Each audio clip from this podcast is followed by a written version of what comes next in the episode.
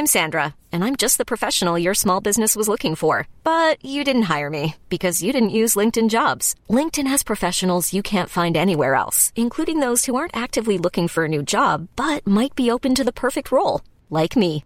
In a given month, over 70% of LinkedIn users don't visit other leading job sites. So if you're not looking on LinkedIn, you'll miss out on great candidates like Sandra. Start hiring professionals like a professional. Post your free job on linkedin.com/achieve today.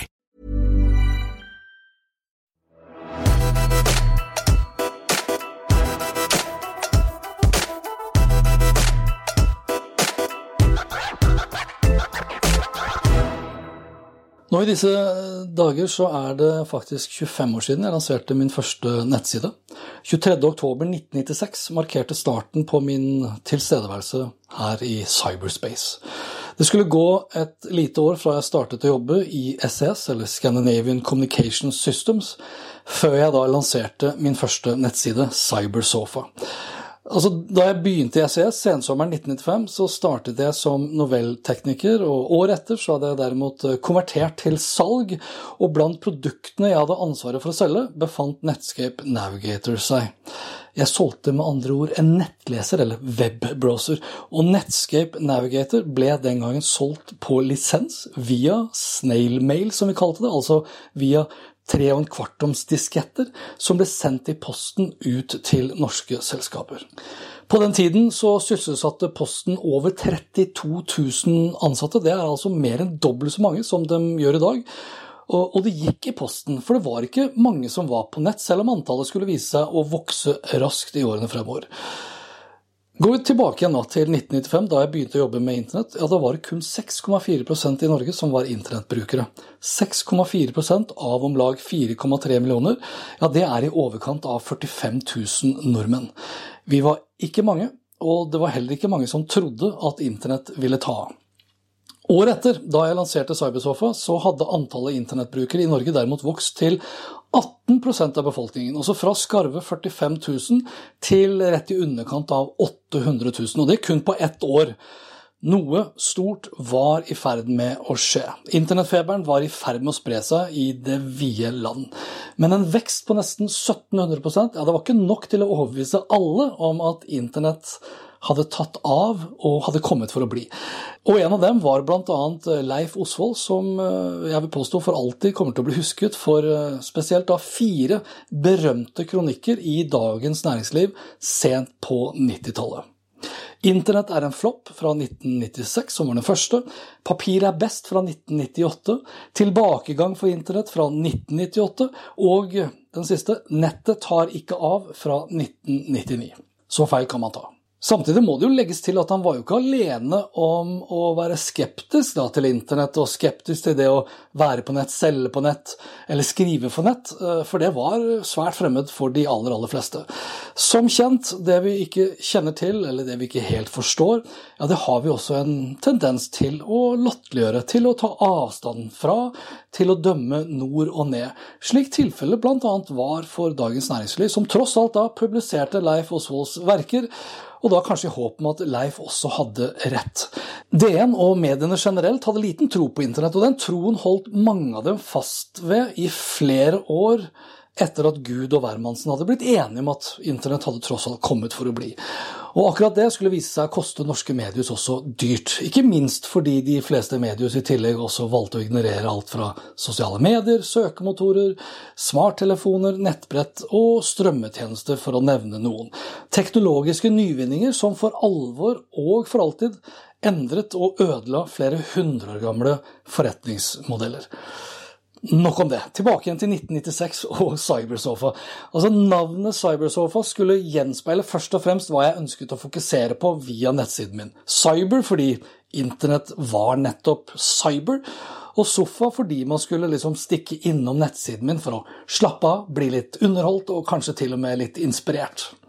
Og med så få internettbrukere så fantes det ikke heller så veldig mange nettsider, og derfor hadde jeg også en egen seksjon som inneholdt lenker til mine favorittnettsider, og som jeg da oppdaterte titt og ofte, og gjerne da med tips om internettsider som jeg fikk via Birger Vestmo i NRK. Ja, du hørte riktig, NRK. radio, faktisk. For på 90-tallet så hadde vi da radioprogrammer som snakket om nye internettsider. Det var det var, det var, mildt sagt tider. Nesten litt som når jeg i dag publiserer oversikt over mine favorittpodkaster og YouTube-kanaler, samtidig som det er veldig annerledes. Men uansett, da, stakk du innom Cybersofa, så kunne du også kikke gjennom diverse bilder av bl.a. Cypress Hill, som jeg digga på den tiden, og Geiger sine dystopiske fremtidsbilder. Bilder som jeg da hadde lasta ned over ISDN og lastet opp på Cybersofa, og da selvsagt uten å tenke på opphavsrettigheter og åndsverksloven som sådan. For på 90-tallet så var strengt talt egentlig alt lov, og ingenting var farlig. Sikkerhet og personvern tenkte vi ikke på i det hele tatt. Og cyberkriminelle, ja, det hadde vi ikke engang hørt om. Og selv om de fleste nordmenn ikke var på internett i 96, og mange var skeptiske til denne nye teknologien, mediehusene inkludert, ja, så fantes det også et par unntak. Brønnøysunds Avis og Dagbladet var to hederlige unntak her, og begge ble lansert eh, før Cybersofa, mens Nettavisen ble lansert noen dager etter. Sistnevnte var for øvrig også da Norges første heldigitale avis. Og alle var vi på plass i cyberspace, og det er flere år før Google, YouTube og Facebook, for å nevne noen, og enda flere år før Steve Jobs og Apple hadde begynt i det hele tatt å tenke på en iPhone eller iPod for den saks skyld. Og I motsetning til Nettavisen så hadde Cybersofa veldig kort levetid. Men ikke fordi jeg mista troen på internett, tvert imot egentlig. Jeg ble bare mer opptatt av å bygge internett, og det skulle jeg da gjøre med nettverksutstyr fra Cisco. For i 1997 så forlot jeg SE, som da hadde blitt kjøpt opp av Aslan, og som i dag er en del av TechData, for å begynne nettopp i Cisco, som da for øvrig het Cisco Systems, litt som Apple, som før i gamle dager har et Apple Computer. Anyways, ikke noe viktig. Cybersofa ble som sagt lagt ned, og det skulle faktisk da gå nesten ti år før jeg opprettet min andre nettside. Som da var faktisk en blogg. For i 2006, da mine tvillinger dukket opp, så begynte jeg da å blogge. Også denne gangen så ble det her en kortvarig affære, selv om jeg syns det var gøy så lenge det varte. Fire år seinere, da snakker vi 2010, så lanserte jeg teknologibloggen Digstil, digital livsstil. Eh, og den ble for øvrig lagt ut på Google-eide Blogspot, hvor den eksisterer den dag i dag, uten at den har blitt oppdatert da siden slutten av august 2010. For da lanserte jeg hanspetter.info på mitt eget domene, og da via Wordpress. Da hadde for øvrig også nesten 94% av Norges befolkning blitt internettbrukere. Apple hadde akkurat lansert iPaden, mobilselskapene hadde lansert 4G, VG hadde lansert VG+, og antall Facebook-brukere hadde passert 2,5 millioner nordmenn. I dag, 25 år etter at jeg lanserte Cybersofa, ja, så er i praksis alle på internett. Og de som har vokst opp med internett, skiller ikke lenger mellom det som foregår offline og det som foregår online. Alt smelter sammen, og hverdagen starter og slutter gjerne digitalt og da enn så lenge med en smarttelefon i veldig mange tilfeller. 25 år etter at Cybersofa ble lansert, ja, så er vi i ferd med å se starten på slutten for en cyberopplevelse i 2D. Fremover så kommer det til å være 3D som gjelder, i en argumentert eller virtuell forstand. I metaverset til Microsoft, Meta, Cisco, Tencent og andre.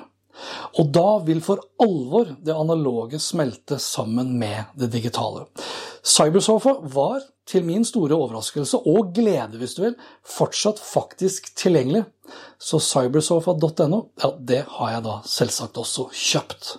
Og enn så lenge så peker cybersofa.no på den saken her, på hanspetter.info, men en dag, en gang i nær fremtid, ja, så er i hvert fall planen at den skal føre deg frem til min virtuelle cybersofa i 3D, hvor du og jeg kan møtes for en prat om gårsdagens og morgendagens teknologi, om hvordan teknologi fortsetter å endre måten vi lever, leker, lærer og jobber. Og det vil vi da diskutere i mitt lille hjørne av metaverset. Snakkes.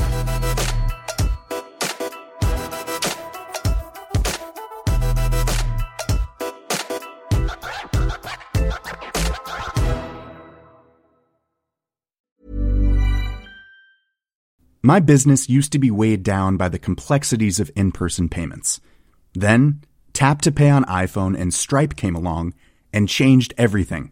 With Tap to Pay on iPhone and Stripe, I streamlined my payment process effortlessly. Now I can accept in person, contactless payments right from my iPhone. No extra hardware required. What's truly remarkable is how I can cater to all of my customers' payment preferences. Whether they're using cards, Apple Pay, or other digital wallets, Tap to Pay on iPhone and Stripe ensure a smooth checkout experience every time. And it's not just me. Stripe helps businesses of all sizes, from local markets to global retailers, scale quickly and stay agile. To learn how Tap to Pay on iPhone and Stripe can help grow your revenue and reach, visit stripe.com slash tap iPhone.